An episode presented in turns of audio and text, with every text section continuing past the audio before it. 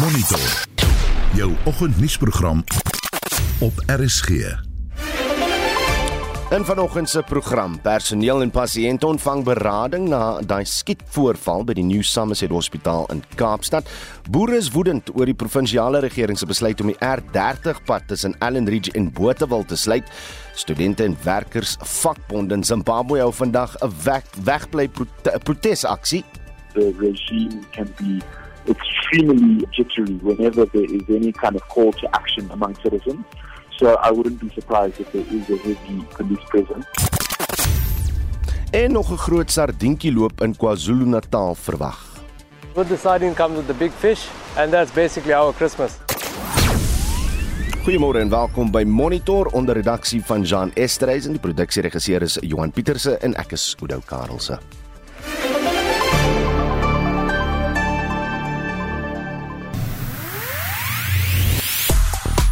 In vandag se brandpunt vraag wil ons weet hoe gereeld verander jy jou wagwoorde? Dink jy behoorlik na oor watter wagwoord jy gebruik op digitale platforms? Nou die platforms vereis dan die wagwoorde wat gebruik word sterk moet wees want 'n kuberkraker kan in 'n baie kort tydjie jou persoonlike inligting bekom en jou groot skade berokken. Is jy aldeur so 'n dief gevang? Watter raad het jy oor hoe om 'n veilige en moeilike wagwoord te skep? Deel jou storie met ons deur 'n SMS na 45889 te stuur. Dit kos jou R1.50 per boodskap of praat saam op die Monitor en Spectrum Facebook bladsy. Jy kan ook 'n stemnota stuur na 076 536 6961. Goeiemôre. Ons kyk na die naweek se DStv Premier Liga uitslae waar Chiefs en Sundowns gelykop gespeel het. Cape Town City skuif na die tweede posisie. Pirates eis 'n wegoorwinning in die halfeindronde eerste been van die Afrika Konfederasie beker en ons kyk ook na die naweek se Currie beker rugby uitslae. Meer hieroor bietjie later. Ek is Christo Gawie vir RSG Sport. Op sosiale media praat gebruikers steeds oor Moedersdag en die hitsmerk ANC IC trek aandag na aanleiding van die ANC se konferensie in die Oos-Kaap wat gister 'n dooiepunt bereik het. En die hitsmerk Bill Gates trek ook baie aandag en dis nadat Gates gesê het 'n rentekoerse sal waarskynlik genoeg styg om 'n wêreldwye ekonomiese verlangsaming te veroorsaak wat deur Rusland se inval in Oekraïne en die COVID-19 pandemie veroorsaak word.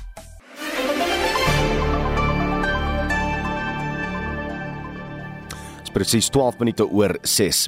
Drie verdagtes sal na verwagting vandag in die Landdroshof in Bombela in Mpumalanga verskyn oor die moord op Hilary Gardi. Een van die verdagtes is Vrydag in hegtenis geneem terwyl die ander twee oor die naweek gevang is.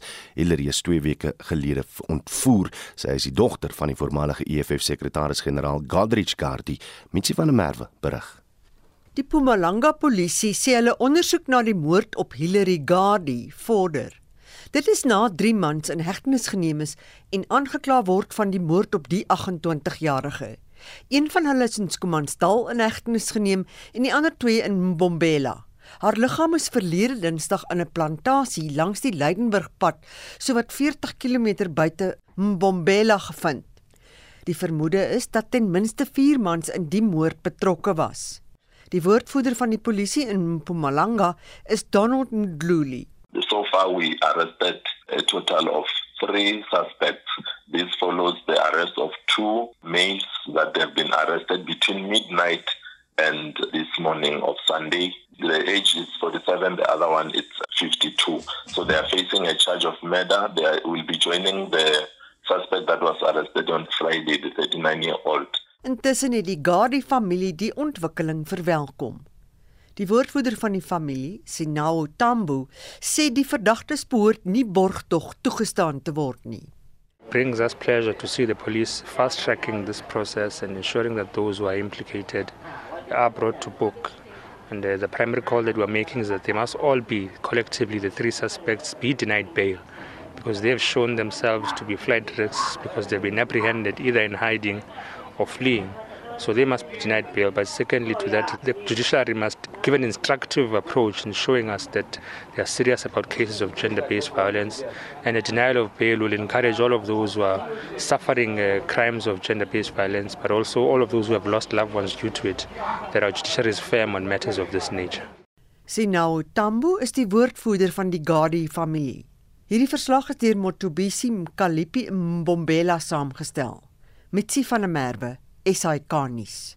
'n Polisiebeampte en twee pasiënte is dood na 'n skietvoorval binne die New Somerset Hospitaal naby die waterkant in Kaapstad. Die polisieman Donay Phillips is gewond nadat 'n pasiënt wat ontslaan sou word, Phillips se vuurwapen gegryp het en hom geskiet. Uh, geskiet het liewer. Phillips het gister aan sy wonde beswyk. Kobben August doen verslag. Twee pasiënte is op die toneel dood na die onderronsie. Die provinsiale minister van gesondheid, Noma French Mbombo, sê die voorval het in 'n saal gebeur waar die personeel van skof sou wissel. Sy sê personeel en pasiënte wat teenwoordig was tydens die skietvoorval ontvang berading. Mbombo sê die departement het planne gemaak om te verseker dat bedrywighede in die hospitaal voortgaan.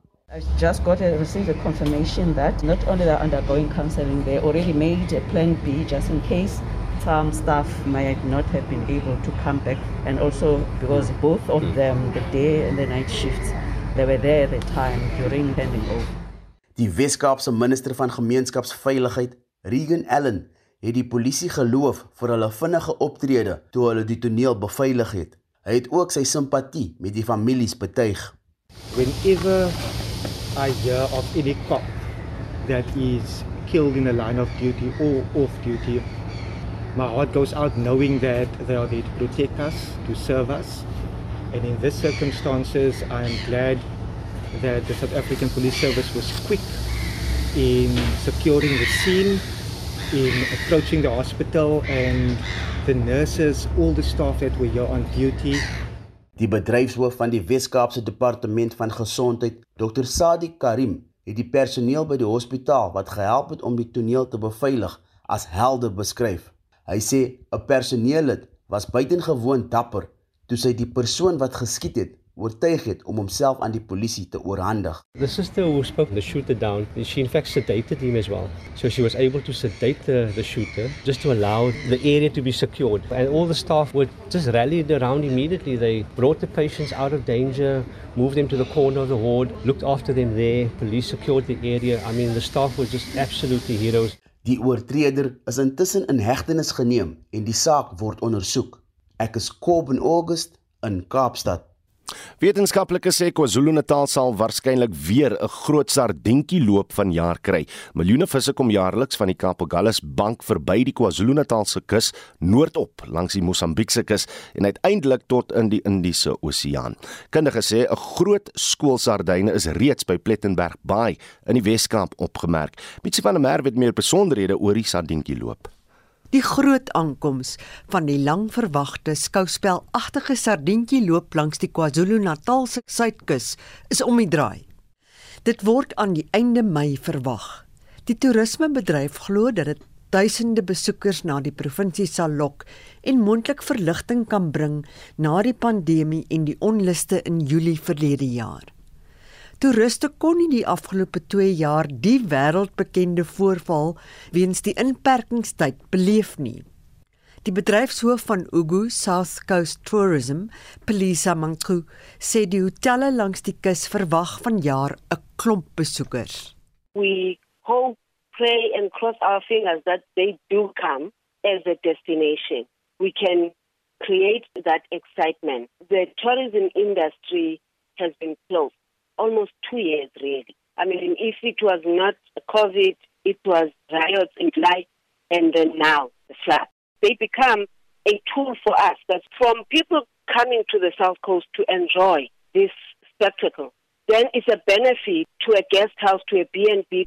Die wetenskaplike by die Oseanografiese Navorsingsinstituut in Durban, Dr. Ryan Daly, sê hulle verwag die provinsie sal weer 'n goeie seisoen beleef. Yes, the sardine run is always difficult to predict, but certainly in 2020, where there was a really good year, 2021 was another good year. And if those last two years anything to go by, we, we hope to get another good run, but it remains unpredictable. and all we can do is wait and see what happens at the end of this month. Dr. Zali sê die gevolge van die groot hoeveelheid water in die onlangse oorstromings in KwaZulu-Natal wat baie rommel in die Indiese Oseaan meegebring het, is grootliks verby en behoort nie die aankoms van die sardientjies te beïnvloed nie. The sardine run starts all the way down the coast, and at the moment down in Algoa Bay, we had a more of a drought than a flood. So the flood has been largely localized up in KZN, but we're already seeing the impact of the flood, at least in the ocean, start to, to dissipate. So I hope by the end of the month it should all be clear and back to good conditions for the sardine run. Die skole trek ook vissermanne wat kommersieel baat. Kleinskaalvissers het gemengde reaksies oor die aankoms van die sardyne. Dit bring volgens hulle groot visse saam. But with the sardine comes with the big fish, and that's basically our Christmas. So really looking forward to that. The arrival of the sardine is a good sign. So fishermen know the fishing activities will be greater and the chances of catching good fish are better. But at the same time, because there's so much of bait in the sea, the fish will take longer to come to our bait. They'll be eating the sardine. But sardine, because it comes plentiful, the net has got a chance of catching and they sell to the public and, you know, retailers can go and earn a living. It's a very good sign. Once a year, fishermen look towards the, forward to the sardine. Boonop sê die Courtney Rampel dat die koms van die sardientjies hulle bedrywighede benadeel. They negatively affect us just because of the type of fishing that we do. We are kayak fishermen and we generally fish with live bait. And when we rely on our baits being the only baits in the water for the game fish to eat those baits. But now, when there's thousands of that type of bait in the water, then the fish are not hungry and your odds are actually lower to catch that fish that you're looking for. So we always try and avoid the sardines because the sardines also bring lots of shark. Die visserman Courtney Rampel van Nelem Hlongu het hierdie verslag in Durban saamgestel. Mitsi van der Merwe, SAK nuus. Jy luister na Monitor elke weekoggend tussen 6 en 7. 621. 'n 3-jarige meisie wat aan amniotiese bandsindroom ly, is een stap nader daaraan om die operasies en fisioterapie te ontvang wat sy nodig het om 'n beter lewe te lei. 'n Vroue konferensie is vir Lia Rose van Staden op Mosselbaai in die Wes-Kaap gehou om geld in te samel vir 'n trustfonds wat sal help met haar mediese en ander uitgawes. Tanya Krause doen verslag. Amniotiese bandsindroom ontwikkel wanneer veselbande van die amniotiese sak om 'n ontwikkelende fetus verstrengel raak. Klein Lia Rose van Staden is gebore met slegs 'n linkerbeen en het geen regterbeen van onder die knie. Haar hande is ook aangetas. Haar pa se werkgewer, Shirley Schmidt, sê in 'n poging om met haar mediese en ander uitgawes te help, het hulle 'n trustfonds gestig. The dad worked for us during one of our offshore campaigns and we had this beautiful little girl born in the company and we have so embraced her journey. She comes with challenges that we only see as physical challenges, but she's become the glue, she's become the substance to bind people with her absolute engaging personality. And I believe that we need to challenge companies to take care of the people of their town. They are really worthy people that need our assistance. Die stigter van die Throer All Vroue Konferensie, Bronwyn Adonis, sê die geleentheid het ook beoog om diegene wat dit bygewoon het te inspireer. Ons wil ons vrouens weer heel maak. Ons deel daagliks met um, met omstandighede waarvan ons geen beheer het nie. En hierdie funksie was gewees om jou kroontjie weer op te sit, jou skouers op te lig, jou koppie op te lig en jouself te sê, as ek hier uitstap, is ek 'n ander persoon, 'n beter persoon. In Junie verlede jaar het Lia Rose haar eerste operasies aan haar bene gehad. In Desember vanjaar gaan sy operasies aan haar hande ondergaan. Die trustfonds sal nie net met hierdie uitgawes help nie, maar daar word gehoop genoeg geld sal ingesamel word om ook in die toekoms met haar onderrig en lewenskoste te help. Ek is Tanya Krause op George. Boere van Allenridge in die Vrystaat dreig om die S86 pad wat hulle self onderhou ook met grondwalle toe te gooi nadat die provinsiale departement van paaie die R30 met grondwalle gesluit het. Die R30 pad verbind Allenridge met Botawil. Ons praat nou met die kommersiële bestuurder van Vrystaat Landbou, Dr. Jack Amer, oor die toestand van paaie in die provinsie. Jack, goeiemôre. Uh, goeiemôre en goeiemôre luisteraars. Wat is die situasie met die S86 pad? Ja, die boere daarso is is baie ontstel. Ehm um, daai pad is 'n baie belangrike pad wat 'n bote wil met ehm um, die hele Goudveld ehm um, koppel en dan verby Botawil ook ehm um, ook nie in Klerksdorp en al daai dorpe Potchefstroom. So dis 'n baie belangrike pad.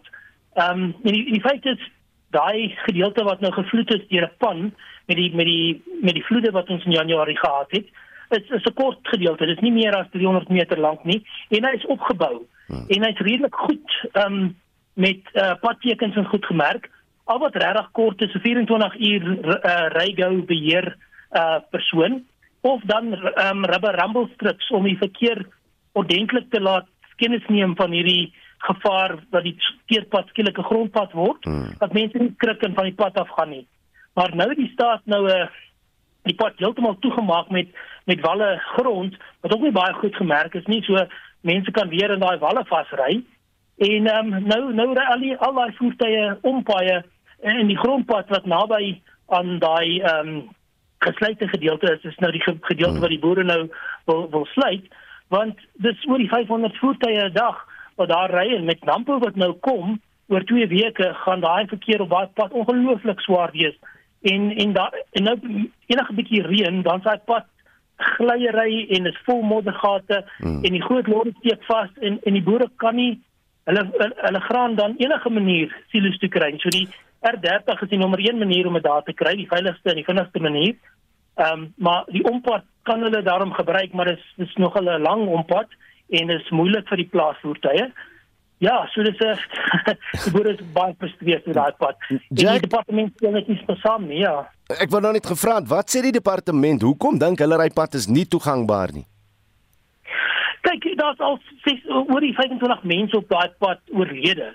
So so dit definitief um, rooi ligte van die departement se kant af om om drastiese aksie te neem oor daai pad maar ons voel net om om die pad net 'n groot wal te gooi vir 'n ding wat klaar opgebou is is is eintlik on, onnodig. Al wat regtig nodig is is ordentlike ram, rampelstrips soos ek gesê het en en um, pad padverkeer.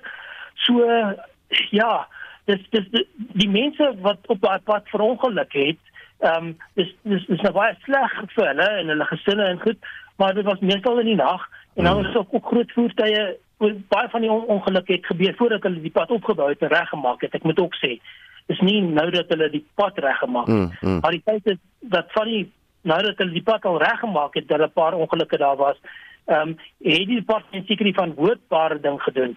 Maar ons twyfel of dit altyd die beste ding is en ek, en baie keer is dit net om geld te spaar of dit is net swak bestuursbesluite uh, vir ons. So met ander woorde, ons gaan nie in stand hou nie, ons maak hom sommer maar net toe. Ja, ja. Sê my hoeveel ander paaie is daar soos hierdie in in hy streek Jack? Ehm um, paaie wat nou so net klein bietjies wat verbrokkel het wat nou gesluit is. Ons weet almal nou van Olivier se pas daar in die Oos-Vrystaat en dan die Clarence pas waar hy 'n sinkgate gevorm het.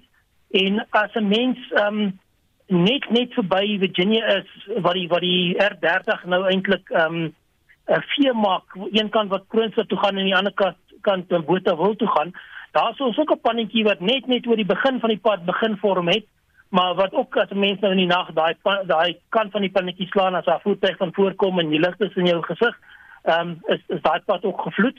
Maar maar baie wat so gevloed is, is is daar baie min ehm um, waarvan ek weet dis maar daai dis, dis die twee gevalle waarvan ek weet waar die waar die vloedwater in die pad inloop ehm um, waar die pad eintlik te laag gebou is en in hierdie oorweldige vloede wat ons nou in die laaste 2 jaar elke Januarie gehad het, het die watervlakke nou laat styg dat dat daai ja, dat die pan nou oor die oor die pad gaan. Het die regering 'n plan? Het die departement al met julle gekommunikeer oor hoe lank dit gaan neem om my paaie veral die twee waarvan ons nou vanoggend praat, um te herstel en oop te maak? Ja, ons vra oor en oor vir die staat vir die planne en ons kry net nie die planne uit die staat uit nie. Ons het nou selfs 'n uh, regsbrief geskryf aan die staat om daai daai daai planne te forceer.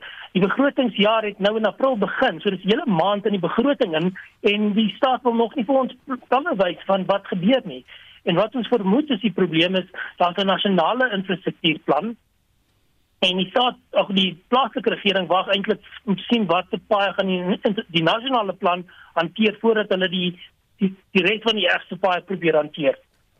En dit was Ja, dat, dat Jack ons los hom maar uh, die lyn nie die beste nie, maar dit was Jack Amer, uh, die kommersiële bestuurder van Vrystaat Landbou.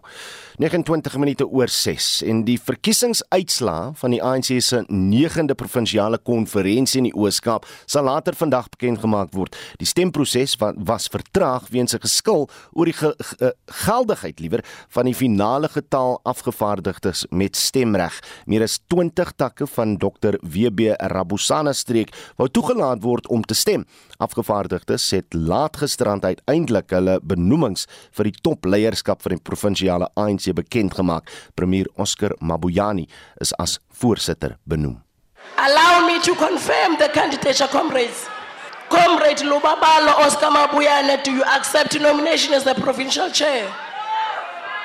Amadla. Thank you very much, uh, Chair. My name is Lubabalo Oscar Mabuyane. I do accept the nomination.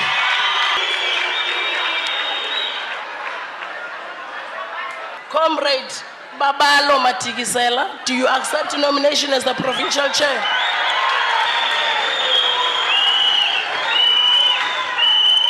Thanks. My name is Babalo Matikizela. I accept the nomination.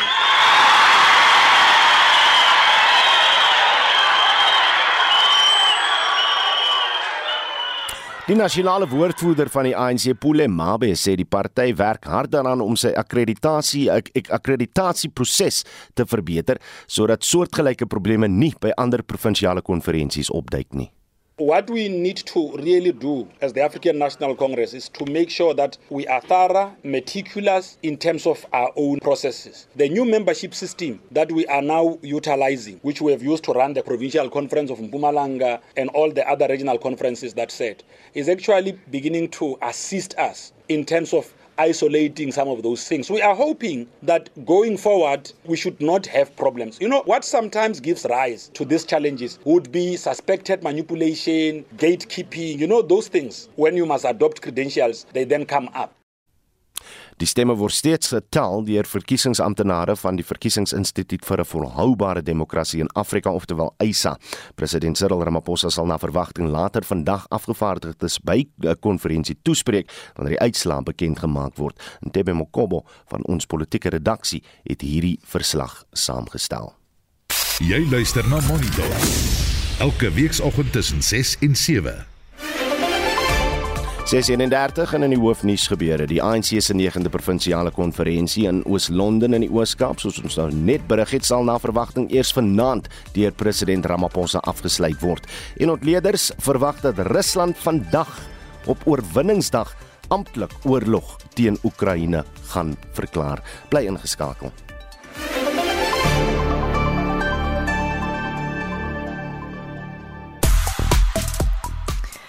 Goeiemôre, ek is Marlene. Ons praat vanoggend oor wagwoorde op digitale platforms. Ons wil weet hoe sterk is joune en het iemand al jou wagwoord gekraak? Het jy raad aan enige iemand daar buite wat al deur so iets geraak is?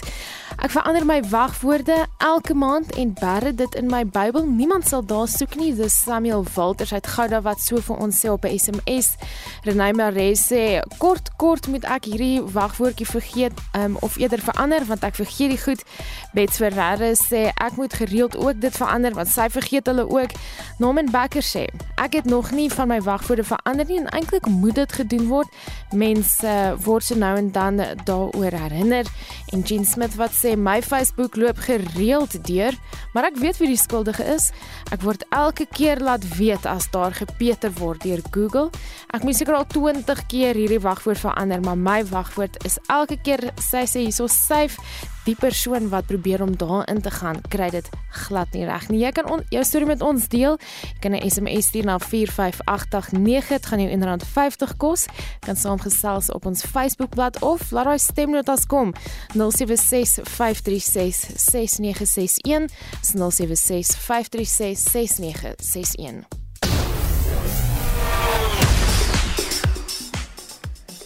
Altyd nou vir die jongste sportnuus met Christo Gawie en Christo goeiemôre ons spring weg met die jongste DStv Premierliga sokker uitslaa.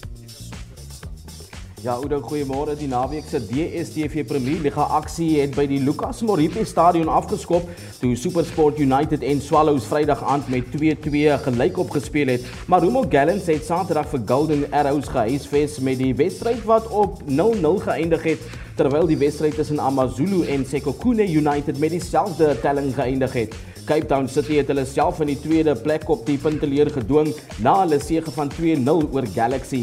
Gelyk op spel en strafskoppe was blykbaar die tema hierdie naweek aangesien Stellenbosch en Maritzburg United dieselfde punte 0-0 by die Dani Craven Stadion gedeel het in Verde. Chippa United en Baroka in die Nelson Mandela Bay Stadion met 2-2 gelykop gespeel. In die laaste gelykop kragmeting van die naweek het die kampioene Mamelodi Sundowns gisteraand na die FNB Stadion gereis om Kaizer Chiefs te pak en ook 1-1 te speel. Sundowns is nou heel bo aan die punteleer met 62 punte, Cape Town City tweede met 48 punte en Royal Am derde met 45 punte. Goeienaweek vir Orlando Pirates. Ja, absoluut. Uh, hulle het 'n uh, 'n uh, wegoorwinning geëis in die halfeindronde eerste been van die Afrika Konfederasie beker Innocent Mahela van en ook uh, Goodman Mosele. Hulle het doele binne die eerste 30 minute aangeteken toe Orlando Pirates van Suid-Afrika gister vir Agli Tripoli van Liberia met 2-0 gewen het in die eerste been van die Afrika Konfederasie beker eind halfeindstryd soos ek reeds genoem het. Die manne van Soweto, hulle was te georganiseerd in uh, verdediging en te klinies in die aanval vir die gasheere en is goed geplaas om die eindstryd te haal na die terugkeer wedstryd komende Sondag. En dan so 'n bietjie Curriebeeker uh, uitslaa van die naweek. Rugby Udo het die Leeu's Vrydag vasgeval teen die Cheetahs met 35-26 terwyl die Pumas die Haie met 20-10 geklop het. Die Bulle het vir Griekwas of die Bulle vir Griekwas Saterdagmiddag geklop met 48-38. En dit dan Christo Gawie van RSG Sport. Drie burgerlike organisasies in Zimbabwe dryf vandag se sogenaamde National Stay Away. Anita Visser het gister met 'n bekende Zimbabwese prokureur hieroor gepraat en die volgende verslag saamgestel. Vandag se massa wegbly aksie in Zimbabwe gaan nie so omvattend wees soos die van 2016 en 2019 nie. So voorspel die prokureur Doug Kalthart, wie se pa David baie bekend geword het onder die Mugabe regime vir sy pro-menseregte aktivisme. Doug Kalthart verduidelik dat die gebeure vandag spruit uit onbetaalbare hoë studentefooie. Primarily around the issue of fees. There have been massive fee hikes which are beyond the reach of most students. So the call initially came from the students union. Alhoewel die veldtog aanvanklik gedryf is deur die Zimbabwe National Students Union of terwyl ZINASU, het plattelandse onderwysers verteenwoordig deur die Amalgamated Rural Teachers of Zimbabwe gou aangesluit by die protes Weereens is die hoofbeswaar swak besoldiging. Kort hierna het die aanlyn drukgroep Pachedu sy stem dik gemaak oor die onbekostigbare lewenskoste in Zimbabwe. Over the past few weeks, there has been a massive inflation of the local currency. That is something that was addressed by the Confederation of Zimbabwe Industries in quite a hard hitting statement a week or two ago. The CZA is typically quite government aligned, and so when they issue a statement like that, it really sends a strong message. Die regime van president Emmerson Mnangagwa het Saterdag gereageer op die komende protesaksie in 'n poging om vure dood te slaan. The president has suddenly announced quite far-reaching measures to try and address the deteriorating situation. Intussen word die media erger as gewoonlik gemailband en getuister, vertel Doug Kaldart. There is certainly a clampdown on journalistic free expression. Just this past week, I've been representing a journalist who's been prosecuted for doing his job and who's been prosecuted. And just yesterday, another journalist was arrested while doing a documentary. And so, no, there is major restrictions. Gevra of die polisie vandag op groot skaal ontplooi gaan word, was Kaltart se antwoord onomwonde. The regime can be extremely jittery whenever there is any kind of call to action among citizens. So I wouldn't be surprised if there is a heavy police presence and where there are any attempts for people to engage in action for the to be brutal crackdown. Een bekende joernalis, Blessed Mshlanga van Trevor Ngube se maatskappy, Alpha Media Holdings, was besig om 'n dokumentêr te skiet oor die waterkrisis in Chitungwiza in die buitewyke van Harare toe hy se muur gearresteer is. Een ding is verseker, of hulle nou fisies vandag hulle steun aan Holland se burgerlike samelewing gaan gee of nie, in hulle harte is meeste Zimbabweërs dit eens. So kan dit nie aangaan nie. Very strong sentiment in the public that the situation is untenable and cannot go on. Dit dan die regskenner Dakoltaat wat gister vanuit Harare in Zimbabwe met Anita Visser gepraat het skuif nou aan na wêreldnuus toe en minstens 10000 lede van die Russiese weermag neem vandag deel aan die jaarlikse oorwinningsdag uh, of aan die jaarlikse oorwinningsdagparade. Uh, intussen is 60 mense die naweek in Oekraïne dood uh, tydens 'n bomaanval op 'n skool in Luhansk, in die Luhansk streek. Marlene Forsie saam met my vanoggend uh, slegs 30 mense kon gered word Marlene. Ja, volgens die streek se burgemeester het verskeie burgerlike inwoners in die skool se kelder probeer skuilings vind, maar dit helaas het hulle toe nou nie gehelp nie. Oekraïense magte klou intussen verbeter aan die Azovstal staalaanleg in Mariupol. Die sowat 10000 soldate daar weier om oor te gee aan die Russe en vra nou vir hulp om gewonde lede uit die gebied te ontruim.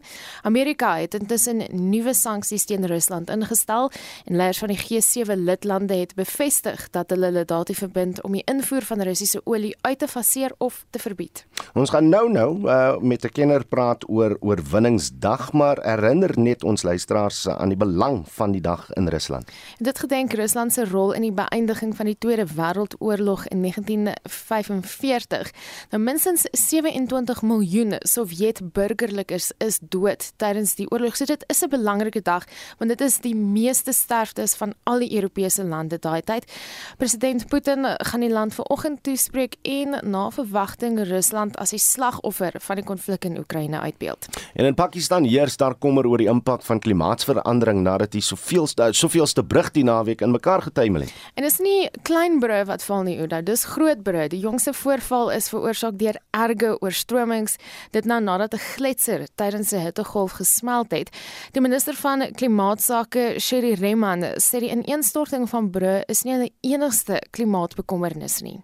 Pakistan is a hugely agricultural country. Much of our labor goes into the agricultural sector, and 40% food insecurity has set in because food production and particularly crops such as rice and wheat are impacted. We used to export all these commodities, and now we're importing them to feed our population.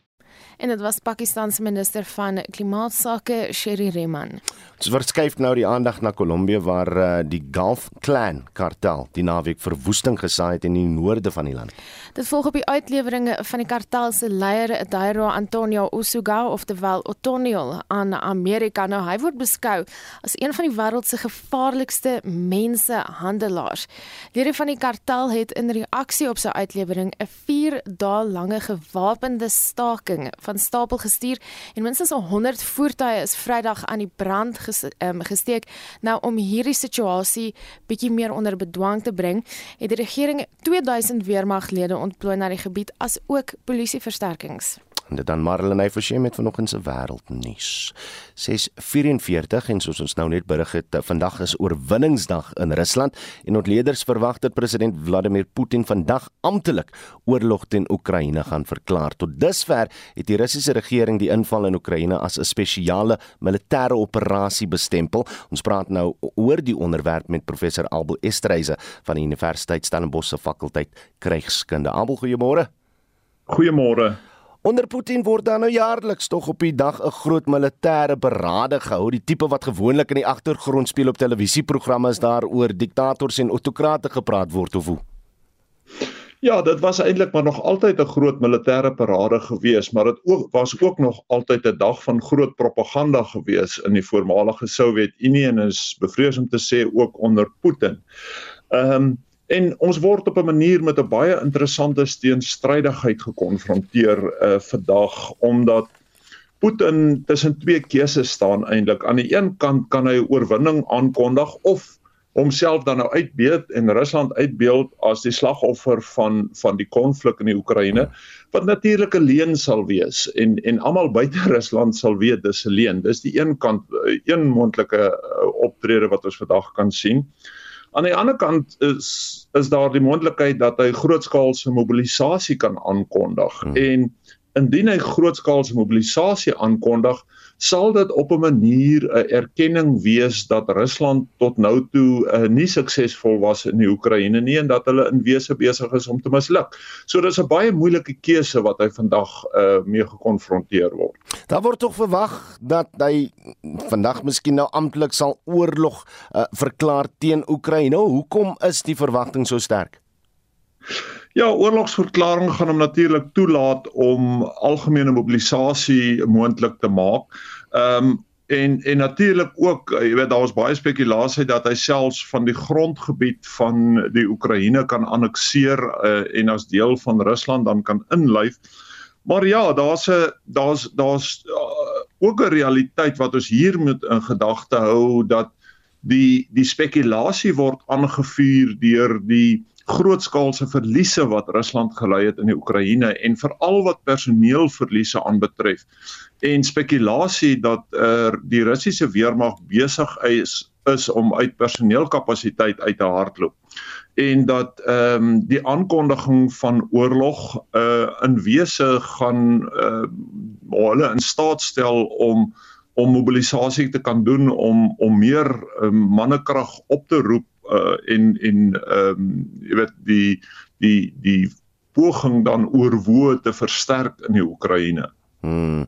Ja, almal ek lees oor die naweek 'n fantastiese berig waar 'n senior Russiese burger die punt maak dat Putin nou eintlik nes die oorlogsprogramme wat om 9 Mei gespeel word in lewende lywe besig is om een van die ou dokumentêre programme uit te leef met sy aksies.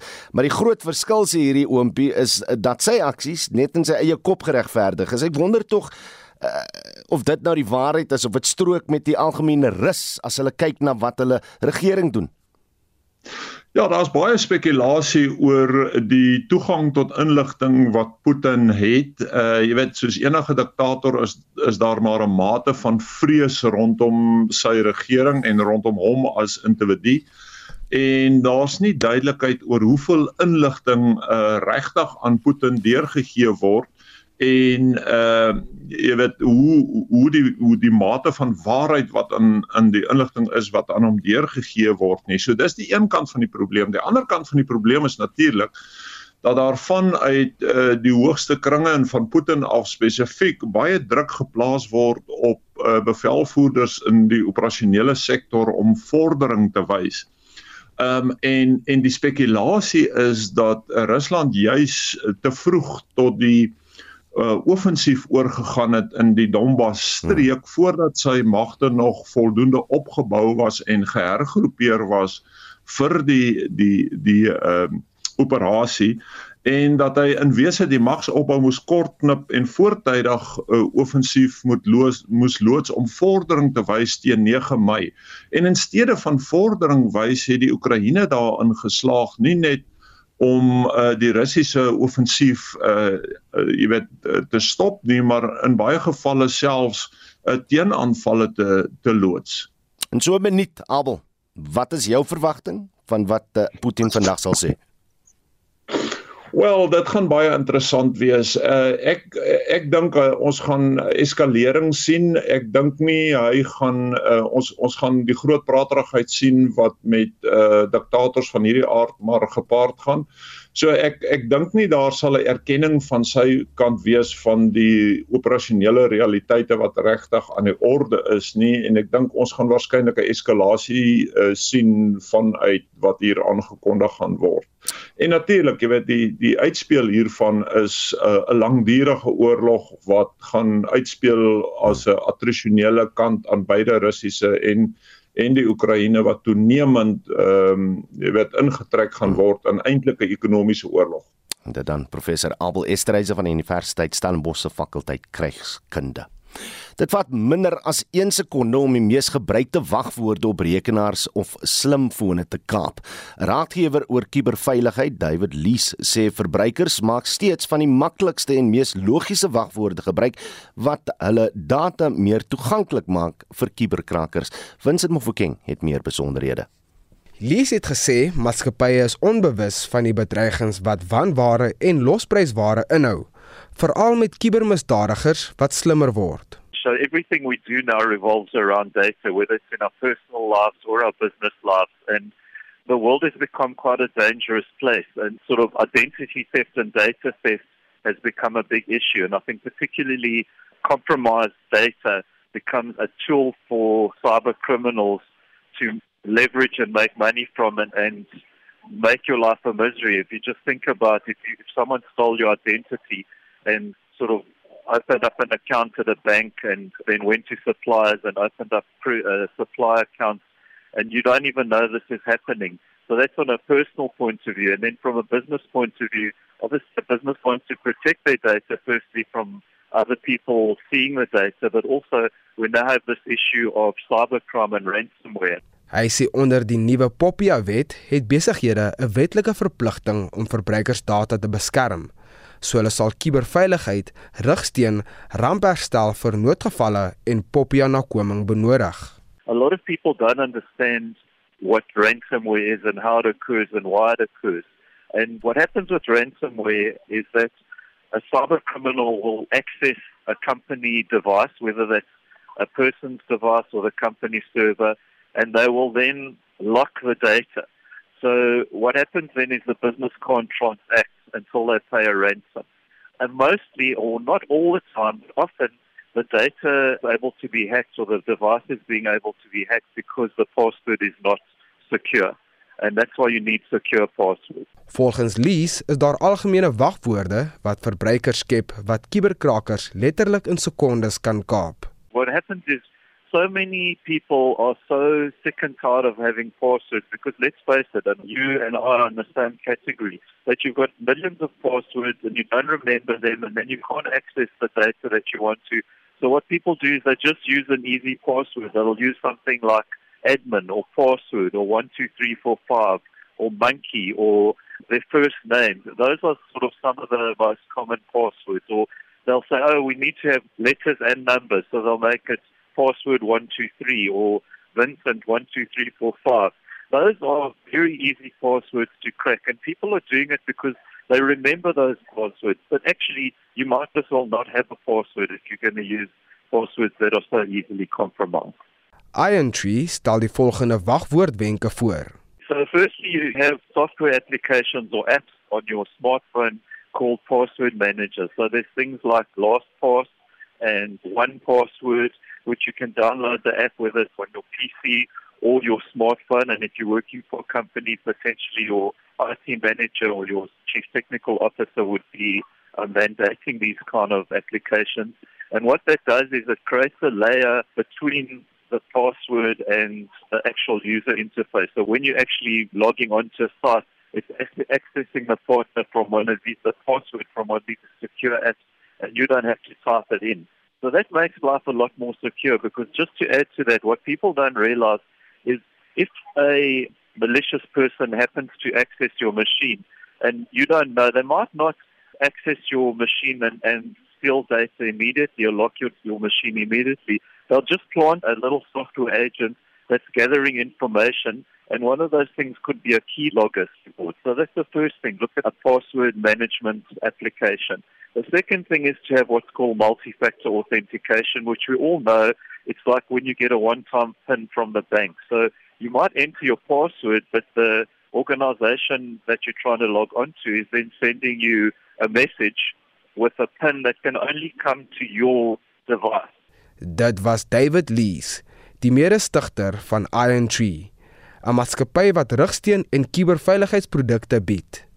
Ek is Vincent Mufokeng vir SAIK nuus. En alle lugpos vanaf Suid-Afrika na China is tydelik opgeskort. Dit is weens reisbeperkings weens COVID-19 inperkingsmaatreëls in China, verduidelik die poskantoor se woordvoerder Johan Kreer. Dit is om die oordrag van COVID-19 binne China te beperk. Sodra die Chinese inperkings opgehef word, dan sal die posdiens na China toe weer hervat word. Daar is op die oomblik 17000 positems by ons internasionale sorteersentrum wat op pad China toe was en daardie items word nou teruggestuur aan die afsenders. Kreer sê ligpos vanuit China na Suid-Afrika word ook vertraag wat natuurlike impak kan hê indien jy items aanlyn bestel het. Die volume is daar is aansienlik groter want daar is geweldig baie aanlyn winkels wie se produkte uit China na Suid-Afrika gestuur word. Dit was die woordvoerder van die Suid-Afrikaanse Poskantoor, Johan Kreur. Ons praat oor wagwoorde vir digitale platforms. Ons wil weet hoeveel aandag skenk jy daaraan om nuwe sterk wagwoorde te genereer en het jy raad? Hier is 'n luisteraar op WhatsApp se raad aan jou. Ek werk in IT. Ek genereer my wagwoorde met die ewe kansige tool wat ek gebruik en dan word dit op my rekenaar gestoor. Ek sal hierdie wagwoorde nooit in my lewe onthou nie.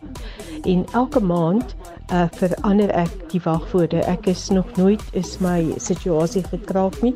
Ek moet ook by sê my seun werk in IT sekuriteit en hy is een van daai mense wat 'n wagwoord in 5 minute of minder sal kraak en dit is ook sy aanbeveling om dit totaal ewe kansig te genereer. En dan die volgende waarskuwing van Andrei Moelman op Facebook: Die meeste wagwoorde kan gekraak word. Sommer sommige stel net 'n bietjie meer eise. Hy skryf hier: Ek onthou die XP rekenaars was maklik om in te breek. Ek het dit sommer toe oë gedoen. Toe kom Windows 7 en 8. Dit was bietjie moeiliker en Windows 10 het dit nou heelwat moeiliker vir hom gemaak om hierdie tipe van goeders te doen. Hy sê onthou net, jy moet elke maand jou wagwoord op enige platform um, verander. Gebruik karakters en hoofletters. Dit maak dit moeilik vir krakers, maar onthou net soos wat tegnologie vir jou beskerming verbeter, so verbeter die krakers ook hulle eie toepassings waarmee hulle wagwoorde bekom en hulle skep dan hulle eie programme daarvoor. So moet nooit op links of enigiets in jou e-pos klik of wat op 'n ander manier aan jou gestuur word wat jy ken nie baie wagwoorde en persoonlike inligting word op die manier bekom. Jy kan nog steeds saamgesels. Ons gebruik graag jou terugvoer en jou stemnotas op ons ander aktualiteitsprogramme Spectrum en Brandpunt. Onthou net weer daardie nommer waar jy WhatsApps kan stuur 076 536 6961. Dis 076 536 6961. 'n Gewilde hitsmerk op Twitter vanoggend is Elon met verwysing na Elon Musk en die Daily Mail online wat berig Musk beweer hy word deur die Russe gedreig.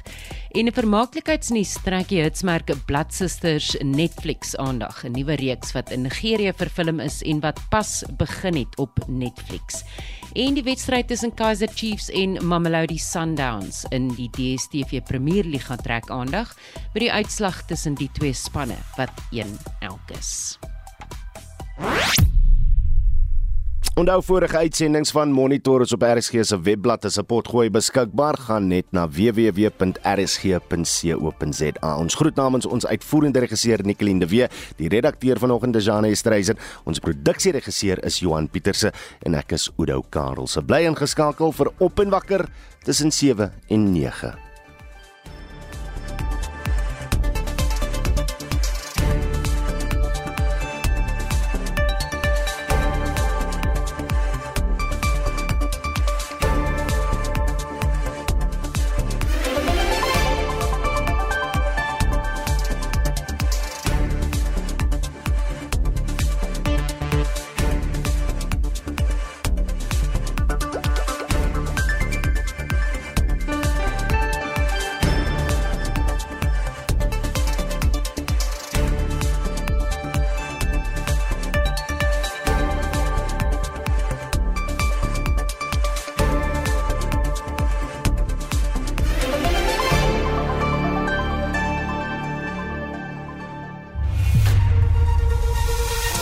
SAK nuus. Onafhanklik, onpartydig.